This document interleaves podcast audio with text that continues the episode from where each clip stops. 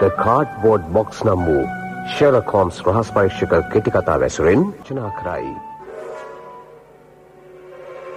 තැපෑලෙන් ආ පෙට්ටිය. එදා සැඩ හිරු රැස් පැවති අගෝස්තු මාසේ දවසක්. බේක වීදිය හරියටම පෝරණුවක් වගේ. පාරෙන් එහා පැත්තේ ගෙදර කහපාට ගෑව ගඩොල් උඩට හිරුවෙලිය වැටිලා දිලිසෙනවා. ඒක ඇස්වලට හරිම පීඩාවක්. මේ සිසිරේ මීදුම පවතිනකොට අඳුරේ අපහැදිලිව පෙනෙන බිත්තිමද කියලා හිතා ගන්නවත් බෑ. අපි ජනෙල් බාගෙට වහලා හෝම්ස් සෝපාවේ ගුලි ගැහිලා උදේ තැපෑලෙන් ලැබුණු ලියුමක් නැවත නැවතත් කියවනවා. ඉන්දියාවේ රාජකාරිය කරලා පුරුදු මම නම් හීතලට වඩා රස්නෙට ඔරොත් වෙන්න පුරුදු වෙලා. ෆැරන්හයිට් අංශක 90ක උෂ්ණත්වය මට ඒ තරම් ප්‍රශ්නයක් නෙමෙයි. පාර්ලිමේන්තුව తాවකාලිකව විසිරුවා හැරලා හැමෝම නගරෙන් පිට වෙලා ගිහින් ගමේ ඇවිදින්නයි මූදිරැල්ල පාගන්නයි මගේ ආසාව නොතිබුණා නෙමෙයි. ඒත් බැංකු ගිණුම හිස් නිසා මට ඒ අදහස අත්හරින්න සිද්ධ වුණා. මගේ මිත්‍රයා නම් ඕව ගැන තැකීමක් නැහැ. නගරයේ මැද්දේ ජීවත් වෙමින් නොවිසඳුණු අපරාධ ගැන හිත යොදවන එක තමයි ඔහුගේ ලොකුම සතුට. හෝම්ස් කතා බහට සූදානමක් නැති වගේ දැනුනම මම වැඩකට නැති පත්තරේ පැත්තකට වීසි කරලා පුටුවේ හරි බරි ගහිලා වාඩි වෙලා කල්පනාවට වැටුණා.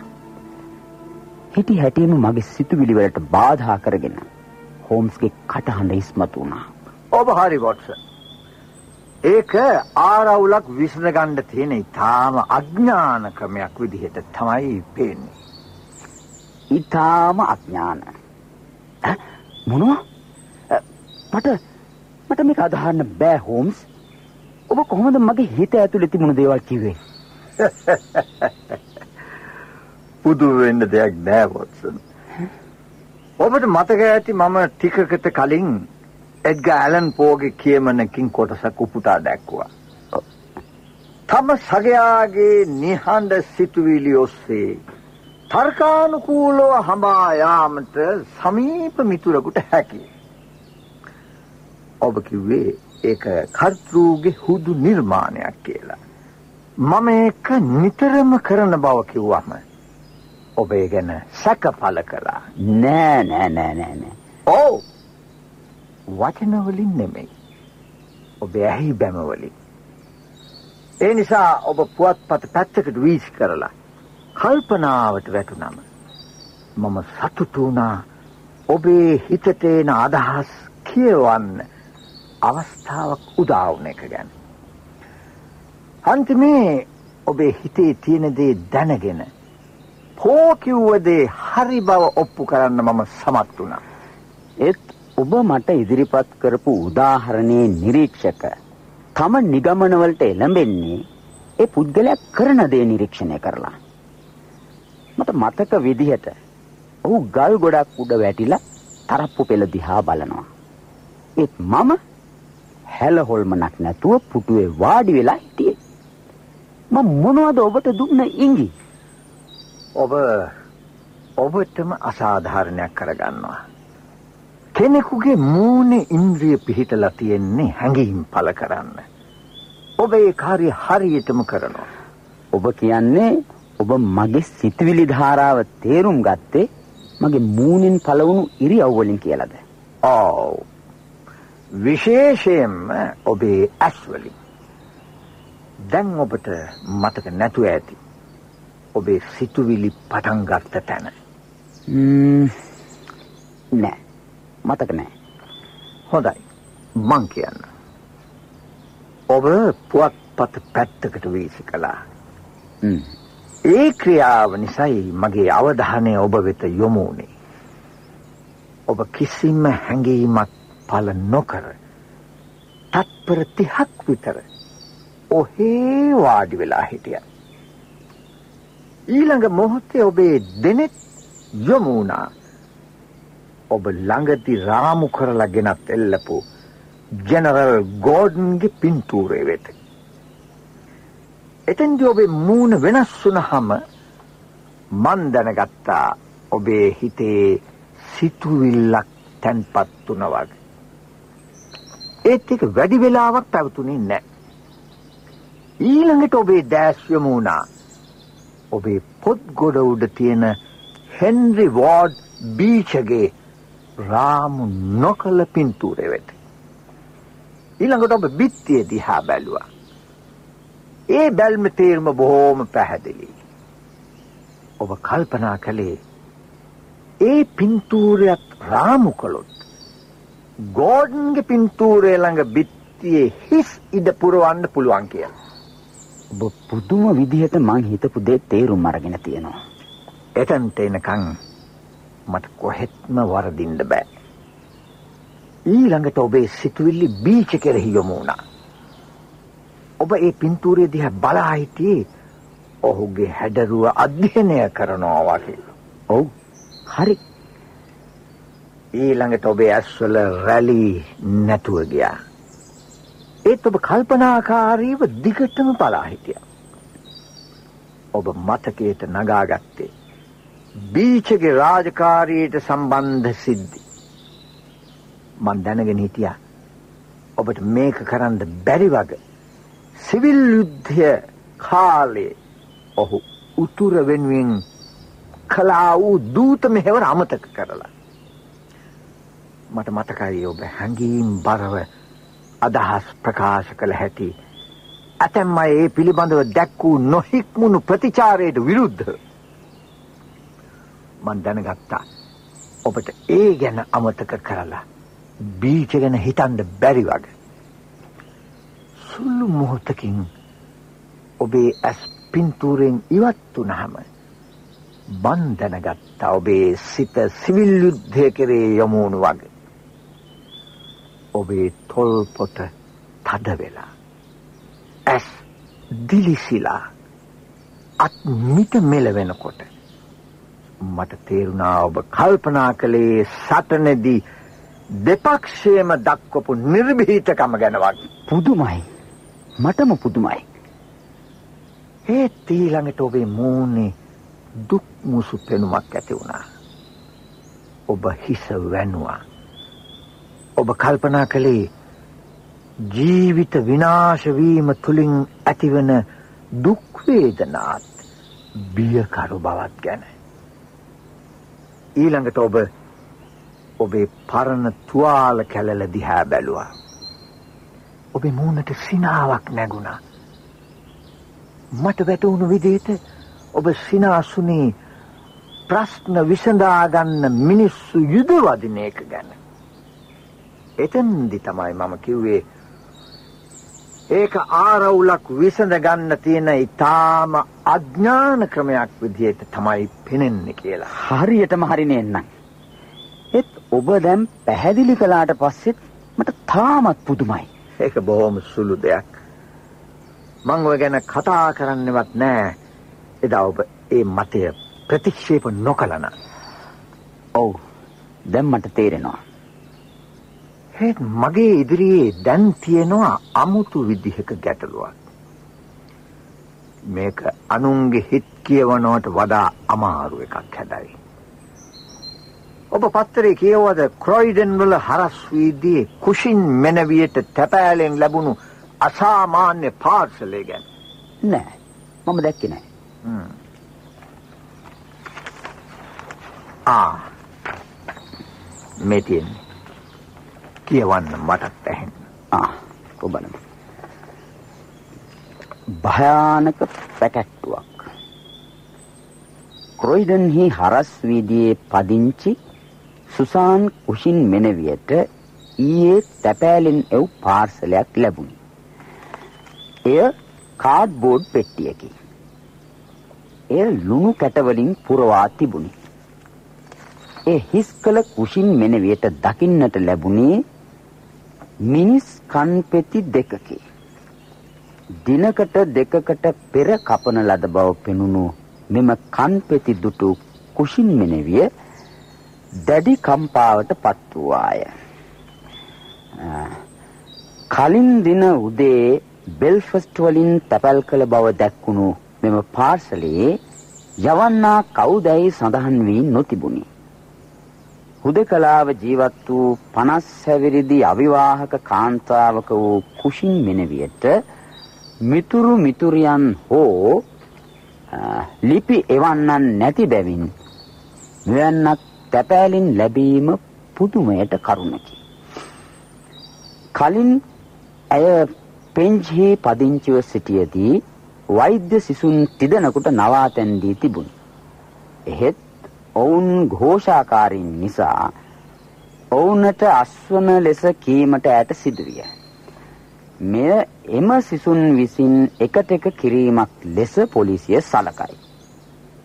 ඇය තුල බිය ඇති කිරීම ඔවුන්ගේ අපේක්ෂාව වූ බව පොලිසිය දරන මතයයි. වෛද්‍ය ශිෂ්‍යයන් තිදෙනාගෙන් එක් අයකු බෙල්ෆස්ට් වල අයකු වීම නිසා මිසකේ තවත් වැඩි වෙයි. පොලිස් පරීක්ෂක හොප්කින්ස් මහතා වැඩිදුර පරීක්ෂණ මෙහෙයවයි. ඔය ඩේලි ක්‍රොනිකල් පත්‍රයේ තිබුණු ටික මට අද උදේ ලියුමක් ලැබුණා අපේ මිත්‍රයා හොක්කින්ස්ගෙන්. ඒකේ තිබුණේ මෙන්න මෙහෙම. මා හිතන අන්දමට මෙම පරීක්ෂණය ඔබට අදාළ එකකි. මෙය විසඳාගත හැකි බව අපට ස්ථිරවම කිව හැකිය. ප්‍රශ්නයකට ඇත්තේ තවම කිසිම හෝඩුවාවක් සොයා ගැනීමට බැරිවීමයි. අප බෙල්ෆස්ට් තැපැල් කාර්යාලයෙන් විමසා බැලුවත් එදින පාර්සල් රාශියක් කවුන්ටරේට බාරදී ඇති බැවින් මෙම පාර්සලයේ හෝ එය යැව් තැනැත්තා පිළිබඳව ඔවුනට කිසිවක් මතක නැත. මෙම පෙට්ටිය රාත්තල් භාගයේ දුම්කොළ පෙට්ටියකි. එයින් කිසිදු හෝඩුවාවක් මතු කර ගත නොහැක. මා හිතන අන්දමට මෙය වෛද්‍ය ශිෂ්‍යයන් විසින් කරන ලද්දකි. ඔබ මෙහිදී හමු විය හැකි නම් සතුටු වෙමි. මොකද කියන්නේ වොට්සන්? මේ රස්නේ අමතක කරලා යමුද ක්‍රොයිඩන් වලට. මාත් කරන්න දෙයක් නැතුව කම්මැලිකම හිටියේ. හරි. එහෙමනම් ඉක්මනට ලෑස්ති වෙමු.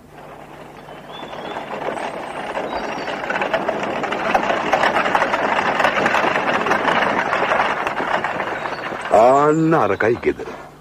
බහිමු අපි. ලස්සන ගෙවල් ටික. අර කොනේ ගෙදර තමයි මිස් කුෂින් පදිංචි වෙලා ඉන්නේ. ආ මිස් කුෂින් ඔය ගෙදර තනියමද ඉන්නේ? අත්තු දවට පුංචි ගෑනු ළමෙක් ඉන්නවා.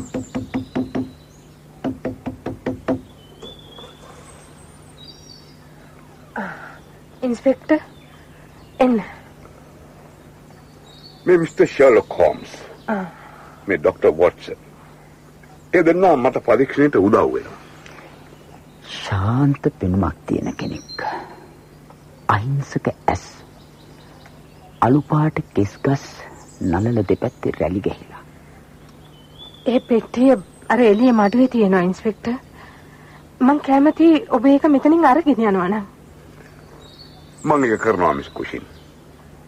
මම ඒවා මෙතන තියෙන්න ඇරියේ මගේ මිත්‍ර ෂර්ලොක් හෝම්ස් ඔබ ඉදිරියේම ඒවා දකිනකම්.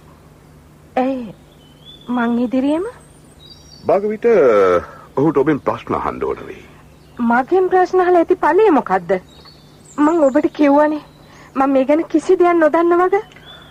ඒක හරි මැඩම්. මට කිසිම සැකයක් නෑ මේ පටලැවිල්ල හින්දා ඔබේ කේන්තිය ඉහවහ ගිහින් වගේ. ඔව් නැතුව මම පැත්තකට වෙලා මගේ පාඩුවේ ජීවත් වෙන ගෑණි. පත්තරේ මගේ නම වැටිලා තියෙනවා දකින්න එක. පොලිසිය අහන අහන එකට උත්තර දෙන එක. මට නුපුරුදු අත්දැකීම්. මම නම් ඕවා මේ ගේ ඇතුළට ගේන්නේ නෑ ඉන්ස්පෙක්ටර්. ඕනේ නම් එළිය මඩුවට ගිහින් බලා ගන්න. ආ හරි හරි. අපි එතනට යමු.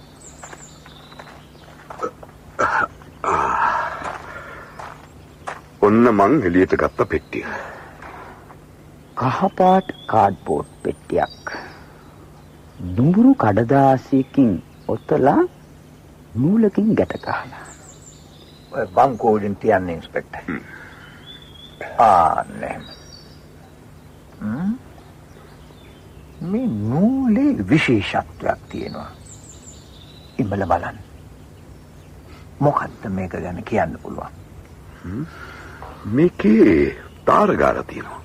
හරියට හරි. තාර ගෑව හින් ලනුවන්. මිස් කුෂින් මේක කපලා තියෙන්නේ කතුරකින් වගේ පැහැදිලිව කියන්න පුළුවන් දෙපැත්තේ මග ගෙවිලා නිසා. ඒක වැදගත්. මට තේරෙන්නේ ඒකේ වැදගත්කම. වැදගත්කම දෙපැත්තෙන් කපපු නිසා. ගැටේ එහෙම ඉතුරු වෙලා තියෙන එක. මේ ගැටේ විශේෂ ආකාරයක එකක්. බොහෝම හුරු බුහුටි විදිහට ගැට ගහලා තියෙනවා. මම ඒ ගැන සටහනකුත් යොදනවා. ඊළඟට අපි බලමු පෙට්ටිය ඔතලා තියෙන මේ බ්‍රවුන් පේපරය දිහා. ඒකේ කෝපි සුවඳ දැනෙනවා. ඔබට ඒක දැනුනේ නැද්ද? නහයට ලං කරලා බලන්න. හ්ම්. බොහොම තදේට දැනෙනවා. ලිපිනය ලියලා තියෙන්නේ විසිරිලා ගිය අත්තකුරු වලින්. මිස් එස් කුෂින් හරස් වීදී කොරොයිඩන් ඝනකම තුඩක් තියෙන පෑනකින් ලියලා තියෙන්නේ. පාවිච්චි කරලා තියෙන බොහොම බාල තීන්ත වර්ගයක්. ක්‍රොයිඩන් කියන වචනේ ලියද්දී අයි අකුරක් ලියලා පස්සේ ඒක වයි කරලා තියෙනවා. මේක පිරිමියෙකුගේ වැඩක්. අත් අකුරු පිරිමි අකුරු. වැඩි අධ්‍යාපනයක් ලැබපු නැති කෙනෙක්. ක්‍රොයිඩන් නගරය ගැන දන්න කෙනෙක් නෙමෙයි. හොඳයි. පෙට්ටිය ගැන ඔබට මොනවද කියන්න පුළුවන්? කහ පාට රාත්තල් බාගෙ දුම්කොළ පෙට්ටියක්. වම් පැත්තේ යට කොනේ මා පැටගිලි සලකුණු දෙකක් තියෙනවා. වෙන කියන්න විශේෂයක් නැහැ. මේ පෙට්ටිය පුරවලා තියෙන ලුණු කැට හං වගේ දේවල් කල් තියාගෙන පාවිච්චි කරන ඒවා. ආ ඔය තියෙන කම්පෙති දෙක හ්ම්. ඔය බැලුව ඇති. වාහන අරන් තියන්න. මොනවද ඔබට කියන්න තියෙන්නේ මිස්ටර් හෝම්ස්? මේ කම්පෙති දෙක ජෝඩුවක් නොවන වගේ ඔබට පේනවා ඇති. ඔව්. ඒත් මේක වෛද්‍ය ශිෂ්‍යයන්ගේ විහිළුවක් නම් ඔවුන්ට දෙන්නෙක්ගේ කන්පිති දෙකක් කපලා එවන එක අපහසු දෙයක් නෙවෙයි. ඔව්. ඒත් මේක විහිළුවක් නෙමෙයි. ඔබට හොඳටම විශ්වාසද? එහෙම හිතන්න තියෙන ඉඩකඩ වැඩි. වෛද්‍ය විද්‍යාලයේදී පරීක්ෂණ වලට ගන්න මලමිනී වලට කල් තබා ගන්නා බෙහෙත් ගල්වනවා. මේ කම්පිති වල එහෙම වගක් පේන්නේ නැහැ. අනික ඒවා හොඳටම අලුත්. කපලා තියෙන්නේ මොට්ට ආයුධයක. වෛද්‍ය ශිෂ්‍යෝ කරලා නම් එහෙම වෙන්නේ නැහැ. අනික වෛද්‍ය කටයුතු වලට සම්බන්ධ අය මෙහෙම දේවල් කල් තබා ගන්න යොදාගන්නේ කාබලි. නැත්තම් රෙක්ටිෆයිඩ් ස්පිරිට්. ලුණු කැට යොදාගන්නේ නැහැ. මං ආයෙත් කියනවා මේක විහිළුවක් නෙමෙයි. දරුණු අපරාධයක්. මගේ මිත්‍රයා කිව් දෙයට කන් යොමා සිටි මා තුළ එක්තරා තිගැස්මක් ඇති වුණා. ඔහුගේ මුහුණේ ඇති වූ බැරෑරුම් පෙනුම මා දුටුවා. මේ දරුණු ආරම්භයේ පසුපස භයංකර පුදුමාකාර අභිරහසක් ඇති බව මට වැටහුණා. ඒත් ඉන්ස්පෙක්ටර් පිළිගැනීමට මැලි වුණා. විහිළුවක් කියන මතයට විරුද්ධව යන කාරණා තියෙනවා තමයි. ඒත් ඔබේ අනිත් මතයට විරුද්ධව ඊට වඩා බලගත්ු හේතු තියෙනවා. අපි දන්නවා මේ ගෑනු කෙනා කලින් පෙන්ච් වලත් පස්සේ මෙහෙත් අවුරුදු 20ක් තිස්සේ වැදගත් හුදකලා ජීවිතයක් ගත කරපු වග. ඒ කාලය තුල ගෙදරින් පිට වෙලා හිටියේ කලාතුරකින්. ඉතින් මොකටද අපරාධකාරයෙක් තමන් කරපු වැඩේ ප්‍රතිඵල මේ අහිංසක තැනැත්තිට පෙන්වන්නේ. එහෙමනම් ඈ මුකුත් නොදන්න වගට බොරු රංගපෑමක් කරනවා වෙන්න ඕන. ඒක හිතා ගන්න අමාරුයි. මට පේන විදියට ඈ මේ කිසි දෙයක් දන්නේ නැහැ. ඒක තමයි අපිට විසඳන්න තියෙන්නේ. අපි මුලින්ම මෙතන ද්විත්ව මිනී මැරුමක් සිදු වෙලා කියන අනුමානය මත අපේ පරීක්ෂණ පදනම් කරගනිමු. මේ එකක් ගෑනු කනක්. පුංචි කුරු බුහුටි කරාබුවක් දාන්න විදලා තියෙනවා. අනික පිරිමියෙකුගේ අවුවට කළු වෙලා ඒකත් කරාබු දාන්න විදලා තියෙනවා. මේ දෙන්නම මලවුන් අතර විය යුතුයි. නැත්තම් අපිට මේ වෙන විට ඔවුන් ගැන දැනගන්න ලැබෙන්න ඕනේ. අද සිකුරාදා. පාසලේ තැපැල් කරලා තියෙන්නේ බ්‍රහස්පතින්දා උදේ. එතකොට මේ අපරාධය සිද්ධ වෙලා තියෙන්නේ බදාදා හරි අඟහරුවාදා හරි. නැත්තම් ඊටත් කලින්. එතකොට කවුද මේව මිස් කුෂින්ට තැපැල් කළේ? අපි හිතමු ඒක කළේ මිනි මරුව කියලා. එහෙමනම් ඒක එවන්න බොහෝම ලොකු හේතුවක් තියෙන්න ඕනේ අපරාධකාරයට. මොකක්ද ඔබ කියන හේතුව? තමන් මේක කළ බව ඈට දැනුම් දෙන්න. නැත්නම් ඈතුල සිත් වේදනාවක් ඇති කරන්න. එහෙමනම් ඒ කවුද කියලා ඈ දැනගන්න ඕන. මං හිතන්නේ නෑ ඈ දන්නවා ඇති කියලා. එහෙමනම් ඇයි ඈ මේ වගේ පොලිසියට දන්නන්නේ? ඈ කන් දෙක වලලලා දාලා ශබ්ද නොකර ඉඳි. ඒකයි නුවණට හුරු වැඩි. මිනි මරුවව වසන් කරන්න නම් කල යුත්තේ ඒකයි. එහෙම වසන් කරන්න ඕන කමක් නැත්තම් මිනි මරුවව දන්නවනම් ඔහුගේ නම පොලිසියට ඉදිරිපත් කරයි. ඒක හරි. මාත් එහෙම හිතනවා. මෙතන පටලැවිල්ලක් තියෙනවා. निराකරණය කරගත යුතු. යම් අපි ආයත් මිස් කුෂින් හමු වෙන්න යමු. මේ මිස්ටර් හෝම්ස් කටයුතු කරන විදිය හිතා ගන්න හරි අමාරුයි ඩොක්ටර් ඔට්සන්. ඔව් මට නම් ඕවා හොඳට පුරුදුයි. මට ඔබෙන් තව ප්‍රශ්න කීපයක් අහන්න තියෙනවා මිස් කුෂින්. හොඳයි එහෙමනම් මම යන්නම්. මට තව පොඩි රාජකාරියක් තියෙනවා. මට නම් තවත් මොකවත් දැනගන්න අවශ්‍ය නැහැ මිස් කුෂින්ගෙන්. මම පොලිසියේ ඉන්නවා මිස්ටර් හෝම්ස්. ආ හොඳයි. අපි ආපහු යන ගමන් එන්න. මට නම් හොඳටම විශ්වාසයි මිස්ටර් හෝම්ස්. මේක වැරදීමක් වගේ. මේක මට එවපු පාර්සලයක් නෙවෙයි. මං ඒ වගේ කිව්වා ඔය ස්කොට්ලන්ඩ් යාඩ් නිලධාරියට. ඔහු මට hina වෙනවා. මේ මහතුරු වාඩි වෙන්න. මටත් එහෙම හිතෙනවා මිස් කුෂින්. හෝම්ස් ඈදිහා බලා ඉන්නවා හරියට වශී වෙලා වගේ. ඔහුගේ මුහුණෙන් මවිතේ වගේම තෘප්තිමත් බවක් පළ වෙනවා. මොකද්ද හේතුව කියන එක මට නම් හිතාගන්න බෑ. මං අහන්නේ ප්‍රශ්න දෙක තුනක් විතරයි.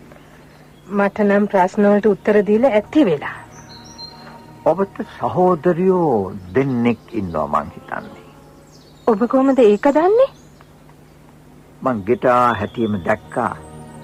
කාන්තාව තුන්දෙනෙක් ඉන්න ඡායාරූපයක් රාත්‍ය උඩ තියලා තියෙනවා. ඉන් එක්කෙනෙක් ඔබ වග පැහැදිලි. අනිත් දෙන්නත් හැඩරුවින් ඔබට බොහෝම සමානයි. ඒ නිසා ඒ ඔබේ සහෝදරියෝ බවට සැකයක් නැහැ. ඔව්. ඔබ හරි. එමගේ නංගිලා දෙන්න. සාරයි මේරි. මේ තව පින්තූරයක් තියෙනවා මගේ දකුණු අත පැත්තේ. ලිවර්පූල් වල දිගත්. ඒකේ ඉන්න ඔබේ බාල නංගී නිල ඇඳුමෙන් සැරසිලා ඉන්න නාවිකයෙකුයි වගේ පැහැදිලි. ඒ අවස්ථාවේ ඔබේ නංගි අවිවාහක බව පේනවා. ඔබ බොහොම දක්ෂයි කරුණු නිරීක්ෂණය කරන්න. ඒක මගේ රස්සාව. ඔබ හරි. ඒත් ඔය පින්තූරය අරන් දින කීපයකට පස්සේ ඇය ඔය බ්‍රවුනර් මහත්තයෙක් විවාහ වුණා. ඔය පින්තූරේ ගන්නකොට ඔහු සේවය කළේ දකුණු ඇමරිකානු නැව් සේවය. ඒත් ඇයට තියෙන ආදරය නිසාම ඔහු ලිවර්පූල් ලන්ඩන් නැව් සේවයට මාරු වුණා. නිතර ඈ ළඟ ඉන්න අවස්ථාව ලබා ගන්න. කොන්කර නැවේ වෙන්න ඇති. නෑ.